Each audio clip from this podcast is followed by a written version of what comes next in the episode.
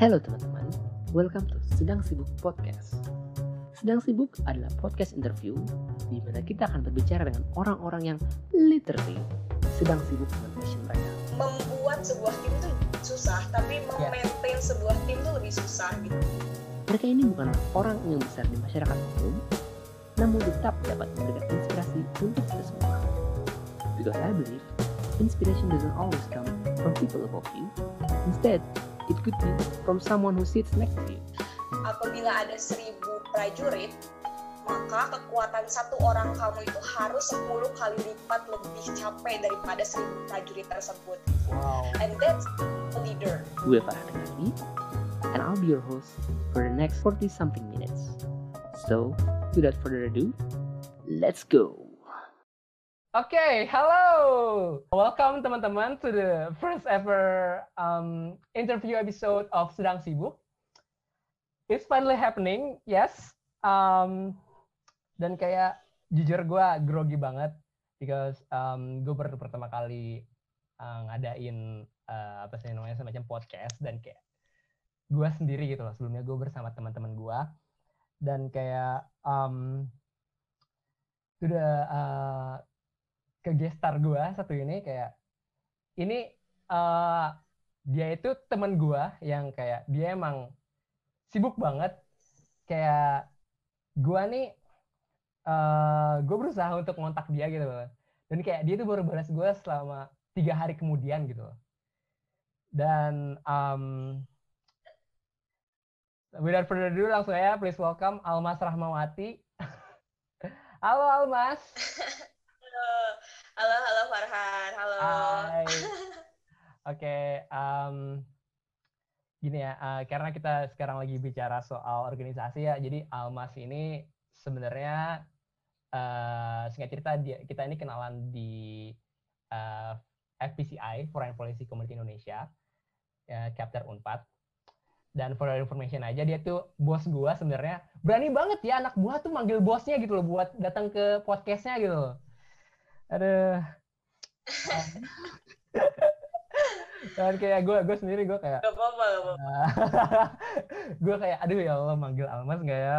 Tapi kayak selama ini lu itu kayak apa ya mas? Gue gua nge ngeliat lu kayak orang yang gue panutin gitu loh kayak.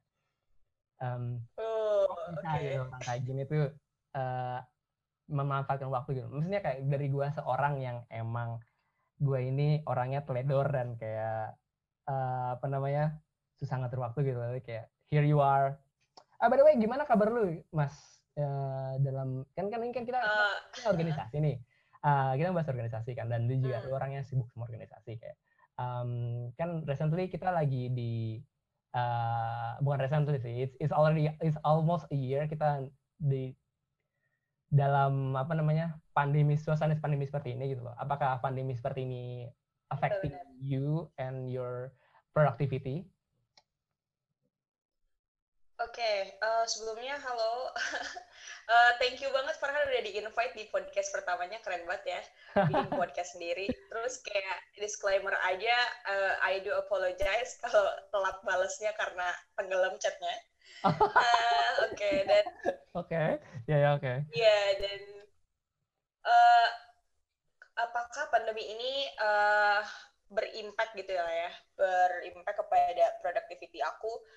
Eh, of course, eh, kayaknya nggak cuma aku doang, kayaknya semua orang juga merasakan itu gitu, yang tadinya Iya. kayak kita face to face, ketemu Ah. langsung, terus sekarang jadinya kayak semuanya harus by laptop. Actually, I, I kind of feel dizzy a little bit and tired ya ya kayak oke bangun tidur lo harus harus lihat laptop terus harus kerja dan lain sebagainya wow terus juga sedih banget kayak kita kalau misalnya eh, di organisasi sendiri itu kita biasanya meeting face to face sambil ketawa bareng terus kayak Ah, sekarang benar. ketawanya kayak Emang by itu vibes-nya nggak sih kalau berorganisasi kayak lu tuh dapat uh, Ah. ibaratnya, ya ketemu orang dan kayak feel so alive di situ gitu loh.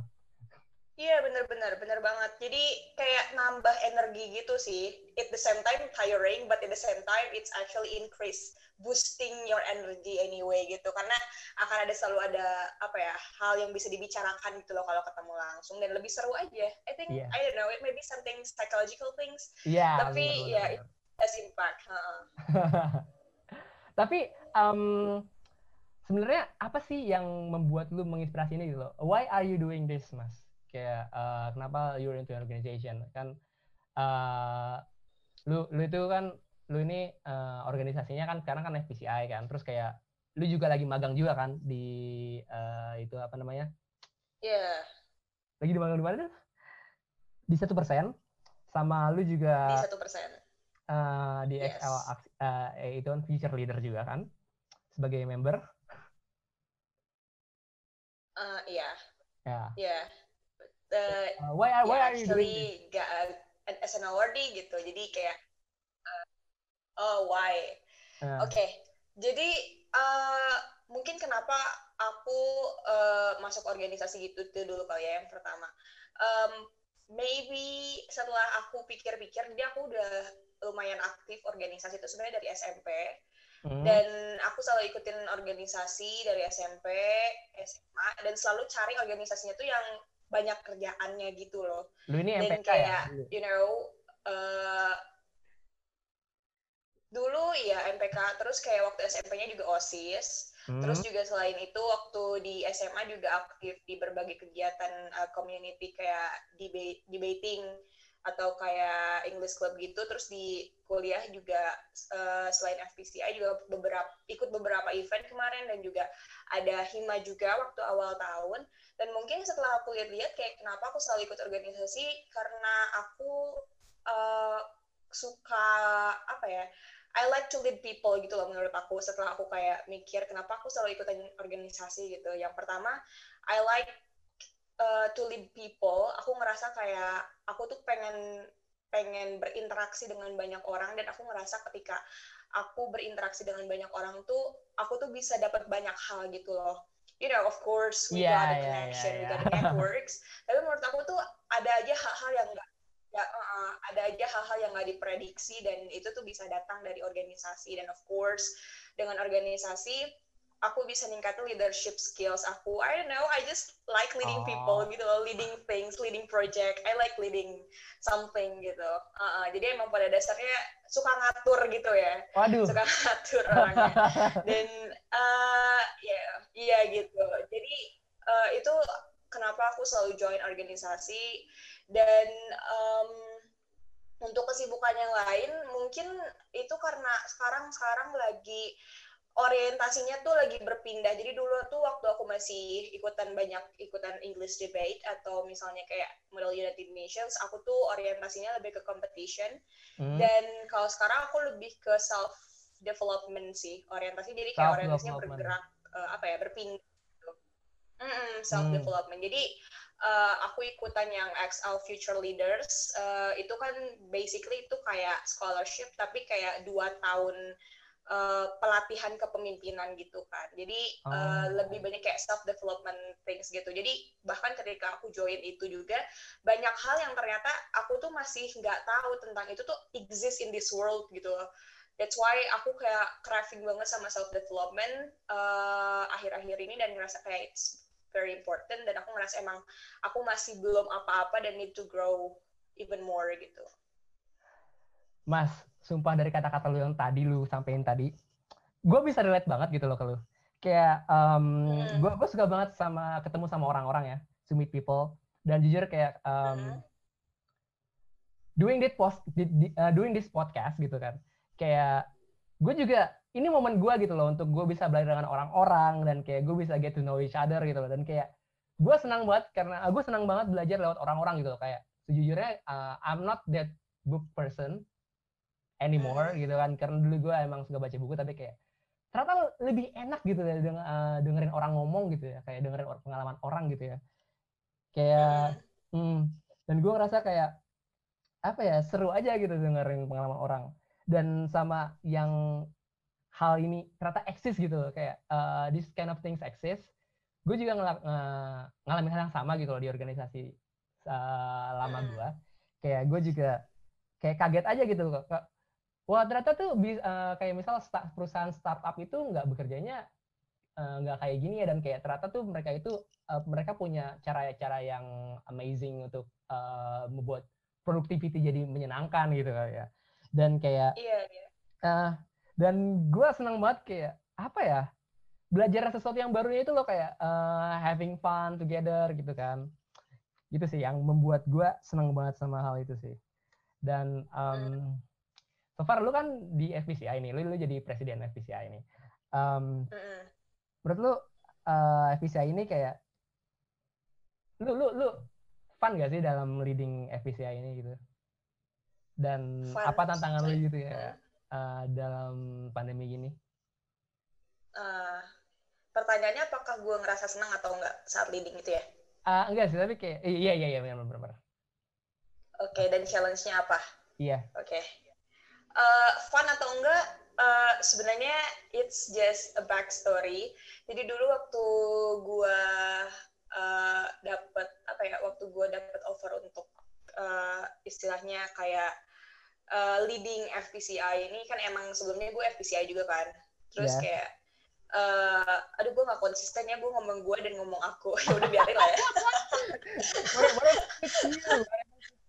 serang sering terbawa gitu loh terbawa suasana uh, oke okay. jadi dulu gue tuh kayak ditawarin gitu kan dan gue bener-bener gak ngerasa confident karena gue tuh bukan orang yang akan ngambil responsibility kalau gue nggak ngerasa gue bisa untuk ngejalanin responsibility tersebut gitu makanya gue kind of agak selektif ketika gue mau ngejalanin suatu project atau this community gitu. Dan gue tahu FPC, uh, eh, FPCI itu bukan hal yang kecil gitu loh. It's a community. Dan kalau misalnya gue jadi presiden uh, atau jadi ketuanya gue harus punya benchmark dan gue nggak boleh lebih mundur dari yang kemarin kan. Gue harus lebih step up dari yang kemarin gitu. Dan yeah. itu something yang bener yang benar-benar menurut gue burdening gue gitu at the very first gitu. Karena ya tadi kayak orang-orang mungkin akan punya ekspektasi tersendiri dan bahkan gue punya ekspektasi tersendiri kalau gue nggak mau ini gue nggak mau lebih jelek daripada tahun kemarin intinya gitu. Akhirnya gue coba aja uh, apa namanya jalanin FPC ini. Gue inget banget uh, jadi dulu gue brainstorming sama Aulia wakil FPCI gue. Yeah. itu tuh di uh, Jakarta pas gue lagi magang. Jadi benar-benar nyempetin pas lagi magang terus ada libur magang gue uh, ke mall gitu bareng sama dia dan dari jam berapa ya? Dari jam 1 sampai 9 malam kita diem di ayo Dunkin Donut kalau nggak salah. Dan cuma untuk brainstorming yeah. dan bikin timeline. Nah intinya kayak awalnya tuh berat banget sih lebih ke kayak uh, menerima ekspektasi tersebut. Cuman setelah dijalanin, gue ngerasa fun karena ya ya udah jalanin aja gitu loh. Kayak gue ngerasa enjoy enjoy aja. Terus gue ngerasa uh, apa ya bisa collaborate banget sama anak-anak di dalamnya gitu ya. That's why kalau dibilang sekarang ngerasa sangat atau enggak dan apakah gue regret dengan keputusan gue ngambil itu atau enggak jawabannya adalah enggak gitu gue senang banget gue bisa jadi bagian dari FPCI uh, Unpad sekarang dan bisa nge-lead tim ini dan uh, ternyata banyak hal juga yang ternyata datang tanpa sepengetahuan gue setelah gue menempati posisi tersebut gitu. Terus kalau challenge-nya of course uh, gue yakin bukan cuma uh, sebagai gue doang tapi banyak orang juga pasti merasa bahwa leading a team it's something apa ya yang it's something troubling somehow but yes. fun in the same uh, uh, karena ya gitulah banyak banget lika-likunya kan apalagi untuk hmm, uh, me, apa ya membuat sebuah tim tuh susah tapi ya. memaintain yeah. sebuah tim tuh lebih susah gitu bener, bener banget. menurut gue dan ya gue masih berusaha dan of course gue nggak sendiri ditemenin sama teman-teman gue sama wakil gue sama lo juga Farhan oh, jadi uh, ya yeah, can we can do this gitu dan ini hampir ini ya, hampir di penghujung tahun jadi kayak we can do this. Padahal gue mau keluar revisi ya tadi pas lagi tengah tahun aja. oh, oh gitu Han. eh tapi sumpah tahu kayak um, gue punya pengalaman juga gitu dengan leading a team gitu kan. Leading a team itu sebenarnya hmm. gue setuju sama fun tapi kayak when it goes wrong gitu kan, when things go south itu kayak ya hmm. lu bener-bener selain daripada um, lu lu nggak cuma menghancurkan diri lu sendiri tapi lu juga menghancurkan orang lain gitu loh. Karena kayak orang lain juga putting expectation on you gitu kan. Jadi kata gue lihat uh, leading a team itu gimana ya? Bukan uh, bukan perkara yang mudah ya. Iya lah bukan perkara yang mudah. Tapi kayak challenging gitu loh. Di satu sisi challenging tapi Hmm. responsibility-nya itu loh yang membuat leading a team itu berat gitu loh. I mean gue gue gue sendiri uh, gue punya pengalaman gitu loh leading a team dan kayak gue gagal di sana gitu loh. Karena one of the two, one of two things gitu dan kayak um, it still affects me today gitu kan. Jadi kayak gue gue salut banget sih sama lu dan um, sama orang-orang lain yang emang punya tim dan ngelit itu loh. Apalagi kayak masih mahasiswa atau masih siswa seperti sekarang gitu Uh, actually, uh, gue tuh punya banyak banget keluhan terkait jadi tim, uh, jadi leading tim gitu kan, jadi leader tim sorry. Dan terus, uh, actually ada satu hal, jadi uh, ini gue dapetin waktu gue lagi ada workshop gitu di XL Future Leaders. yes Gue uh, dan materinya tuh lagi ngebahas leadership gitu kan, lagi ngebahas tentang leadership, way of leadership, like what kind of leadership style you have gitu. Terus intinya gue di sana tuh nanya dan gue curhat gitu kan. Kalau misalkan sometimes gue ngerasa susah banget gitu loh untuk bisa engage the team untuk pokoknya gue curhatin semua keluhan gue sebagai leader. Dan gue ngerasa super duper capek at the time lagi, lagi emang fasenya gue lagi super duper capek banget. Terus uh, mentor gue bilang gini katanya "Eh, kamu bayangin deh kalau misalnya kamu lagi ada di medan perang terus uh, ada seribu prajurit yang berperang untuk bisa membela negara kamu atau membela pasukan kamu. Kalau misalnya eh, kamu adalah ketua mereka atau misalnya kayak apa ya panglima mereka, otomatis kamu adalah eh, orang di balik strategi yang mereka buat gitu kan untuk bisa menjalankan perang tersebut. Hmm. Apabila ada seribu prajurit, maka kekuatan satu orang kamu itu harus 10 kali lipat lebih capek daripada seribu prajurit tersebut gitu. Wow. And that's a leader katanya gitu. Terus gue di sana tuh kayak ngerasa oh iya bener gitu. Karena setelah itu mentor gue bilang lagi kayak coba sekarang kamu bayangin kalau misalnya kamu capek of course kamu tadi mengeluarkan 10 kali lebih capek gitu ya kekuatannya daripada si prajurit tersebut. Tapi kalau misalnya prajuritnya menang eh, merdeka dan segalanya nama siapa yang akan harum nama kamu katanya gitu bukan nama prajurit kamu yang berperang, bukan nama prajurit kamu yang mana, tapi nama kamu sebagai uh, leader dari prajurit tersebut. Terus gue kayak, ah, that's correct gitu. iya tapi ngerasa di sana kayak, gagal ya oke. nama lu juga yang hancur gitu loh nama lu juga yang jatuh gitu loh "Mm-mm, iya emang ya that's why we uh, a leader juga akan selalu belajar sih menurut gue. Hmm. Berarti um, with all these uh, leadership things gitu kan. Berarti uh, lu emang udah experience banget kali ya sama leadership gitu kan kayak lu juga apa namanya lu di MPK itu lu juga sempat jadi itu nggak sih sempat jadi pemimpin juga nggak sih? Uh, basically sekretaris tapi kayak uh, I I cannot say like precisely uh, posisinya kayak apa pokoknya intinya gue megang kaderisasi deh sana Oke oke oke, I get it, I get it. Gue dari tadi speechless gitu loh dengerin kata-kata lo gitu loh kayak anjir keren banget men. Gue gue sejujurnya gue merinding gitu loh dengerin kayak aduh. Wow, kayak this is this is the things that I've been missing uh, during my time while leading uh, my team gitu loh. Tahun pas tahun kemarin gitu loh kayak if only I could Hmm. listen to Almas gitu kan sebelum gue mulai lead a team, lead my own team gitu kan. Um, Uh. terus kayak oke lu selama jadi leader itu lu stres nggak sih? Pasti stres lah ya. Kira-kira uh, Iya. what's what's your lowest point gitu loh saat jadi leader itu? my lowest point um, oke jadi leader stres apa enggak? Stres bohong banget kalau nggak stres. Gue percaya semua leader di dunia tuh ada stresnya kalau nge-lead tim. Karena basically kita tuh harus bisa apa ya mengarahkan mengassist semua tim yang dalamnya tuh adalah manusia dengan berbagai macam otak dengan berbagai macam kepribadian dengan berbagai macam latar belakang untuk bisa reach one goal yang udah kita set bersama. Dan di tengah-tengah perjalanan itu tuh banyak banget lika-likunya. Ada orang yang tiba-tiba kayak belok ada orang yang tiba-tiba berhenti ada orang yang tiba-tiba putar balik gitu. Pokoknya Untung banyak banget jadi. yang bisa terjadi. Kenapa? Untung gue nggak jadi. iya untungnya nggak jadi ya.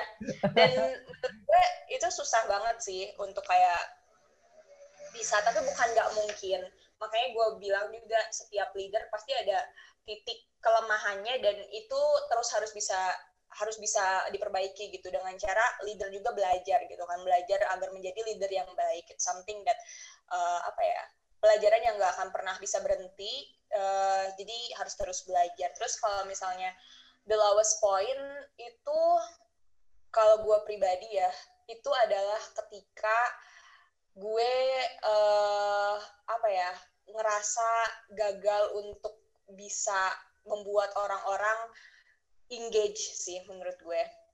Hmm. Jadi misalnya kayak at the same at at at one point gitu ketika awal kita membuat sebuah organisasi uh, atau sebuah komunitas atau apa pun itu kita deal with something dan tuh pada excited gitu ya untuk bisa ngejalanin project tersebut misalnya.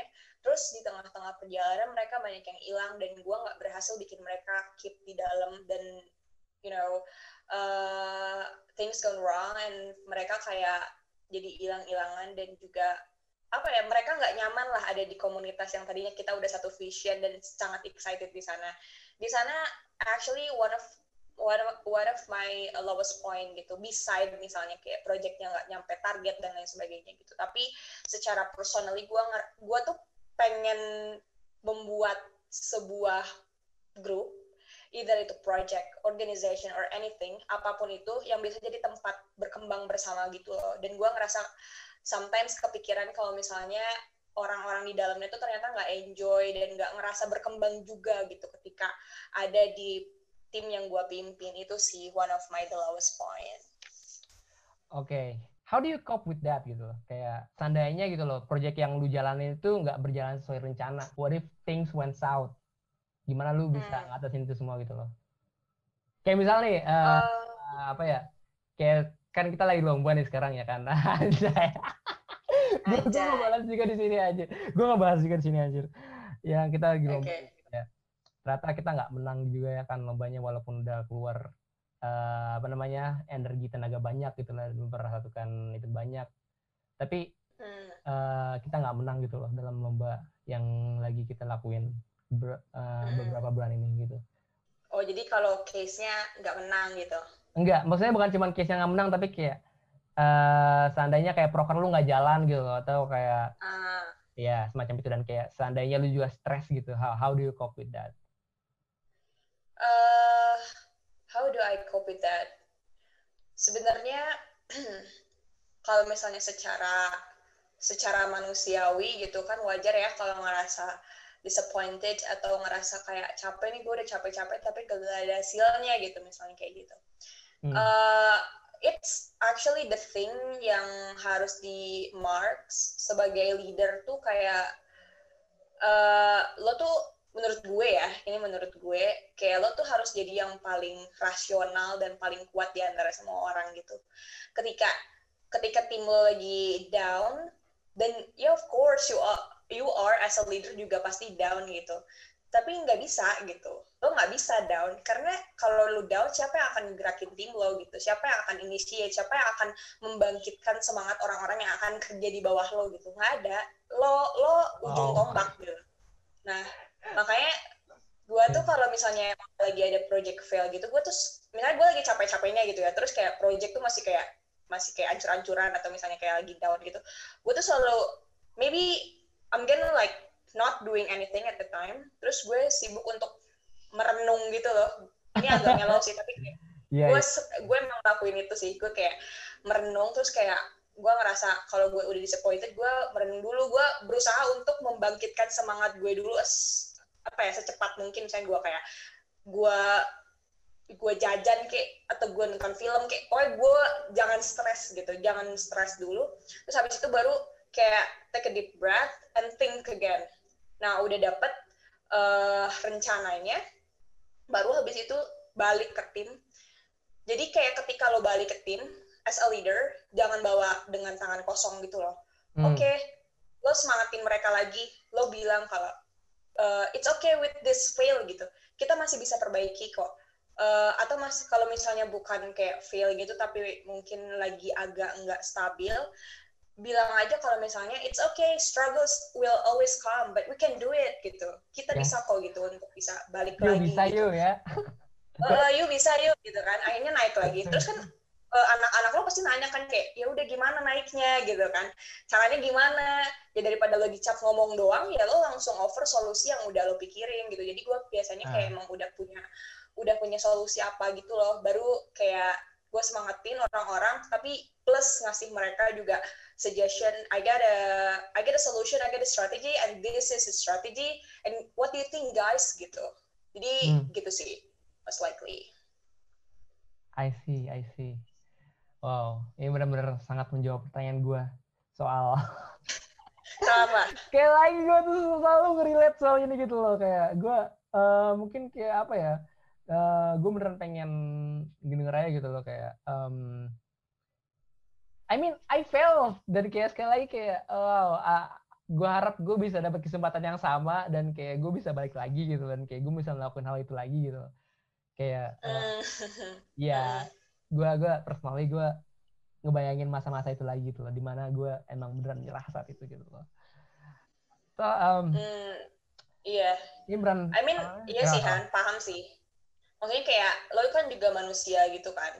Nah biasanya kalau gue udah nggak bisa handle sendiri, gue juga ngobrol sama temen gue. Tapi ya, you know, yang nggak seorganisasi sama gue gitu. iya Jadi gue curhat ke mereka terus kayak mereka giving me courage. And kalau misalnya sendiri nggak bisa dihandle, uh, let people try to help us. Itu sih. yes wow gue bener saat itu gue emang beneran mental breakdown banget sih mas jadi kayak wow gue gue beneran gak bisa mikir gue udah panik banget jadi kayak ah harus should have should have done like what you did gitu kan tarik nafas segala macem mungkin gue tipikal orang yang panikan kali ya kayak uh, I mean Hmm. I'm that person who's uh, apa ya gue ini aktif gitu loh. Tapi uh, aktifnya gue itu memberikan kepanikan juga gitu loh. Jadi kayak paniknya juga aktif juga gitu loh. Kan Bisa di turn off dulu nggak gitu? iya gitu sih lu bisa nur- turn off dulu nggak sih? Gue gue tuh pengen fokus gitu loh. Gue apa nih ada uh, sesuatu there's a apa ya? Eh apa sih tanggung jawab gitu loh yang harus gue lakuin gitu loh dan kayak Hmm. ini masalahnya eh gue bukan cuma ngelibatin orang Indonesia doang gitu loh, tapi juga orang luar juga gitu loh. Jadi kayak Hmm. gue bakal ngebawa nama buruk Indonesia kalau misalnya gue nggak bisa ngelit tim gue dengan baik gitu loh. Kayak gitu. Hmm. Iya, iya, iya. Ta- tapi kayak em, apa ya talking about this um, organization and lu juga sempat mention soal teman lu juga gitu kan. Tapi eh, gimana sih kehidupan lu di luar dari organisasi itu gitu loh? Uh, how do you maintain work life balance, Mas? kehidupan gue how to maintain work life balance that's very very hard especially kalau misalnya lo punya tanggung jawab banyak Hmm. Em, karena jujur aja sekarang aja gue tuh eh, ada organisasi kan you know lah ya ada FPCI terus eh, gue ada XL juga terus gue actually ada dua magang Eh, dua, the way- dua. the way I kill my the way I kill myself dua, gue, satu aja udah stres banget, Mas. dua. Oke, oke. eh, ya Alright. Yeah, that's how the way I kill myself gitu. Eh, begitu juga sih. Jadi intinya, eh oh ya dan skripsi ya of course. Oke. Nah, eh, Damn. gimana cara? Pusing ya lo ya. Tau gak sih mas laporan Oh. aja belum kelar gitu loh. Tapi kayak pas lagi ngeliat lu udah kelar uh, UP lu gitu kayak gue gue tuh kayak anjay ini orang bisa gitu loh kayak banyak organisasi gitu bisa gitu loh nyelesain gitu. Oke oke lanjut sorry mas. Gue gue gue Iya, semua eh, semuanya bisa bisa selesai kalau ada the power of kepepet Tuhan dan oh, sedikit. oke. Nah Alright. cuman kalau uh, kalau gue maintain work life balance gue, um, sebenarnya gue nggak bisa bilang kalau gue life-nya udah balance sih sebenarnya karena sometimes gue kebanyakan tidur, sometimes gue kekurangan tidur gitu. Hmm. Jadi it's also depends on punya job apa aja di hari itu dan kayak deadline-nya apa aja gitu. Dan uh, kalau misalnya gue sih, kalau misalnya mau nge-work life balance biasanya setiap pagi gue bangun tidur itu selalu bikin to do list sih. Jadi the first thing yang gue lakuin apalagi sekarang gue cukup banyak aktivitasnya jadi gue harus bisa bagi waktu dengan sewise mungkin kan. Gue bisa biasanya ngecek dulu Google Calendar gue gue lagi ada event penting atau enggak di hari itu terus habis itu gue bikin to do list. Jadi gue selalu sedia post it yang agak gede gitu di kamar gue dan kayak okay. gue tempel. Jadi isinya kayak to do list gue apa aja dan jam berapa gue harus ngelakuin itu gitu. Nah terus biasanya gue start my routinity itu sekitar jam 9 pagi. Dan dari jam 8 mungkin ya dari jam 7 8 gitu biasanya gue kayak uh, makan dulu atau misalnya gue baca webtoon dulu atau baca berita dulu it's depend gue lagi pengen apa pokoknya hmm. kayak belum yang bener-bener kerja gitu uh, terus mandi kalau niat ya kalau enggak mandi ya oke okay. kalau enggak ya jadi dipaksain dong gitu oke okay, kan. bener bener bener bener uh, ya ya, ya. nah terus uh, habis itu gue mulai start and working ya sesuai itu tulis yang gue kerjain sih terus uh, jam kalau misalnya gue ada waktu gue biasanya menyempatkan karena WFH ya sekarang jadi sulit buat keluar rumah jarang sih di tepatnya gue hmm. kadang-kadang jam 10 jam 11 gue menyempatkan ke loteng cuma buat berjemur oke okay? oke okay. jadi ya like 15 menit gitu nah terus uh, habis itu siangnya gue break jam sembilan setengah dua belas gue break gue kayak biasanya kayak istirahat dulu sholat dulu makan dulu gitu kan. Terus kayak gue biasanya mulai lagi jam setengah dua atau jam satu tergantung rutinitasnya. Hmm. terus kayak gitu aja pokoknya ada ada istirahat uh, ada istirahat sholat gue istirahat beneran gitu. Like I positioning myself in the office or di kampus gitu yang bener-bener ada working hours sama rest hournya gitu sih. Terus uh, eh, gue usahain kayak udah ngerjain semuanya tuh jam sebelum jam 9 malam sih karena karena gue tuh ada rutinitas untuk baca webtoon sebelum tidur kan. Oke. Okay. Gue gak tau kenapa. Sumpah gue gak tau kenapa gue seedik itu sama baca webtoon. Pokoknya gue tuh ngerasa ada yang kurang kalau gue belum baca semua episode di hari itu yang update gitu. Nah jadi uh, gue akan menyempatkan waktu sengantuk apa pun gue untuk baca webtoon sebelum tidur. Jadi kayak gue kerjain beres sebelum jam 9, habis itu gue night routine dulu, habis itu um, baca webtoon terus gue tidur gitu. Biasanya gue tidur jam 10 atau jam 11, tapi depends kalau kerjanya lagi banyak juga nggak kayak gitu terus sih cycle-nya. Hmm. Mungkin itu sih. Dan ya yeah, of course, kalau misalnya udah gak mood, jadi gue tipikal kalau yang udah jenuh banget tuh gue nggak mau ngerjain apa pun itu kan. Kayak okay. gue bener-bener gak mau megang laptop, bahkan kerjaan-kerjaan yang kecil tuh gue nggak mau ngerjain gitu loh. Terus sometimes gue kalau udah nggak mau kerja ya notifikasi lainnya gue matiin. Oh. Jadi kayak dan aplikasi apa pun itu jadi mungkin itu kali ya alasan waktu itu chat lo tenggelam. Uh, san san san. Jadi iya jadi kayak gue ngerasa kalau udah nggak produktif loh kalau yang kayak gitu dipaksain tuh. Makanya gue harus bikin self healing dulu gue nonton film kayak sambil makan sambil jajan atau ngapain kayak.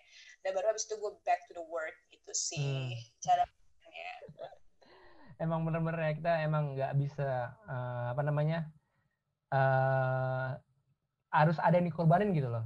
Eh by the way, terus lu punya apa namanya like love interest gitu nggak selama lagi uh, I mean like this gitu. Uh, bukan berarti gue mau deketin lu ya mas, tapi kayak.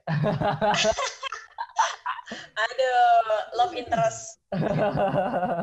Maksudnya kayak okay, okay. are you, are you, um, berhubungan sama orang kah dan kayak uh, dan maksudnya in romantically apakah lu udah pacaran kah maksudnya kayak uh, dan sananya kayak kalau sudah uh, begitu kayak how, do you find it difficult uh, ketika kalian berdua apa namanya menemukan waktu gitu loh. Hmm oke okay, oke okay. oke okay, langsung aja gue bahas gue single and very happy ya. Oke. Okay. Uh, gue gak bilang gue jomblo, gue bilang gue single ya. Please yeah. bedain mana jomblo, mana single. Okay. Uh, okay, dan gue lagi nggak nggak in you know in a relationship with someone, gue hmm. nggak hmm. lagi tidak merasa ada ketertarikan juga untuk um, apa namanya punya hubungan spesial dengan seseorang ya nggak yes. tahu karena belum ada aja gitu ya yang yang cukup intensif gitu mendekati gue gitu kan Mendekat. nah itu okay, kalau ada beda cerita ya kalau ada beda cerita Hmm, tapi untuk sekarang sih eh, gue belum ada siapa pun dan Hmm. gue ngerasa you know lagi fokus aja sama diri sendiri dan yes. eh, pengen ya itu sih mungkin fokus sama diri sendiri dan mencoba untuk membuat eh, apa ya menghasilkan sesuatu lebih banyak aja gitu Hmm, hmm, hmm. itu kalau sekarang itu jawaban gue Tapi tuh kayaknya orang tuh ngedeketin lu juga segen gitu loh mas. Kayak, wah anjir nih orang tuh udah malah lama balesnya, terus sibuk organisasi. Kayaknya gua udah enggak deh, kayak kayak gue gue udah udah ngedown deh sama dia deh. gitu Kayak ya. achievement dia tuh banyak gitu loh. Gue kayak, wow, gue gua ngedown lah. kayaknya kayaknya gue harus lihat ini deh eh, Han, apa daftar chat gue jangan-jangan ada juga yang tenggelam dan gue bisa ya, bisa, bisa, bisa. aduh oke oke Mencoba untuk deketin lo tapi kayak, aduh ya Allah, gini banget gitu. Karena aduh guys padahal bagi yang mau mendekati gue nggak usah mikir kayak gitu ya guys cobain Aduh. aja dulu Langsung aja kita pece-pecean nanti nih. enggak, enggak, enggak, enggak.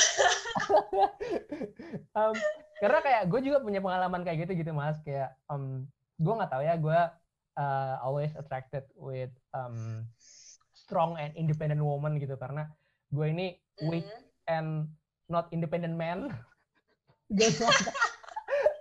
Oke Oke, ini kayak gue, gua lu, lu bilang sama gue tadi kayak jangan mengumbar aib gitu, tapi kayak gue ngumbar aib diri gue sendiri gitu loh. oke nggak apa-apa. lo kok lo bebas Iya, ngumbar iya, iya, iya, benar, benar, benar. Jadi kayak, um, apa ya, gue, gue, gue tuh kayak, gue juga sering, uh, I mean, uh, I'm attracted to that kind of woman yang emang dia itu uh, berkata pin, uh, bukan pinter ya, karena pinter itu relatif ya, tapi kayak uh, gue Hmm. anggap kayak um, orang-orang yang ibarat kata mereka tuh community people kali ya, maksudnya kayak mereka tuh uh, punya komunitas dan kayak gitu gitu loh, kayak um, tapi tuh setiap kali gue mau deketin orang itu tuh pasti kayak jujur ini ini, ini gue curhat aja sih, kayak gue setiap kali itu tuh kayak Oke. ujung-ujungnya tuh gue di ghost mulu mas, gue I don't know man, and I think uh, we're going to talk about that in another episode. Anyway, um, karena gue udah sampai penghujung acara ya, uh, you got any tips yang pengen lu bagiin ke teman-teman uh, pendengar sedang sibuk sekalian terkait dengan mem- memimpin organisasi dan jadi organisasi kayak kira-kira apa sih yang harus persiapin atau ada kata-kata mutiara kah? Hmm, oke. Eh, nggak, gue nggak nggak punya kata-kata mutiara sih. Kayaknya gue harus nyari dulu quotes ya. Oke. Cuman, Eh, tipsnya kalau lo mau eh, apa ya? Kalau lo lagi ada di posisi pemimpin atau enggak, lo mau eh, menjadi pemimpin dari suatu tim, yang lo perlu siapin mental itu sih. Hmm. mental dan eh, apa ya keinginan yang kuat gitu soalnya kalau misalnya lo nggak ada mental yang kuat gitu untuk memimpin sebuah tim ketika ada apa ya rintangan apa ya cobaan gitu ya Wow. dari tim Adap. lo gitu yang menghampiri tim lo dan lo punya mental lemah tuh kayak bakal susah aja sih maksudnya orang-orang di bawah lo tuh akan semua orang yang ada di bawah lo tuh akan rely ke lo kalau misalnya mereka lagi ada masalah dan lo harus jadi orang yang bisa bisa nampung semua itu. Lo nggak bisa kayak gue nggak bisa nih eh, apa namanya bantu lo dulu soalnya gue lagi capek. Nggak bisa. It's a Mhm. consequences of being a leader gitu. Lo harus selalu bisa untuk ngasih saran ngasih solusi ketika anak-anak lo tuh lagi in the middle of unstable situation gitu. Menurut gue eh, mental tuh perlu banget dan emang dapetin mental yang kuat tuh nggak gampang sih sebenarnya lo kayak butuh experience learning dan lain sebagainya gitu Hmm. Terus yang perlu disiapin yang kedua tadi adalah willingness atau keinginan yang kuat gitu. Karena kalau misalnya lo setengah-setengah ngejalanin sebuah organisasi atau sebuah komunitas or anything, ya ya udah kalau lo udah bosen terus ngerasa kayak eh, apa yang lo lakuin gak berhasil atau ngerasa kayak apa ya it's not your things gitu lo akan pergi di tengah jalan. Makanya kalau kalau anggota lo ghosting misalnya ya udah lah ya gitu. Kita bisa coba untuk uh, cari penggantinya. Tapi kalau misalnya lo yang ghosting siapa yang mau gantiin lo gitu kan? Ada gitu. bener bener bener bener bener. Jadi kayak ya itu sih. Jadi yang menurut gue yang penting disiapin adalah willingness sama mental yang kuat. Dan mungkin gue nggak punya kata-kata mutiara cuman uh, for all the leaders in the world lebay banget ya. For all the leaders in the world just uh, apa ya semangat and be patient aja untuk ngejalanin apa pun yang lo lakuin. Pasti uh, pasti akan ada hasilnya kok. Dan balik lagi uh, hasil tuh nggak akan mengkhianati dari proses. Hasil tuh nggak akan mengkhianati struggle yang lo lakuin dan sakit-sakitnya yang lo lakuin untuk organisasi or community or project tersebut. Itu sih. Hmm. oke okay. karena ini udah di penghujung acara ya. This is a, this is very insightful evening for me. Karena kayak gue beneran dapet uh, hal-hal yang emang di luar ekspektasi gue kayak keren banget. Dan um, gue harap nanti pas lagi udah pandemi kita bisa ketemuan ya mas.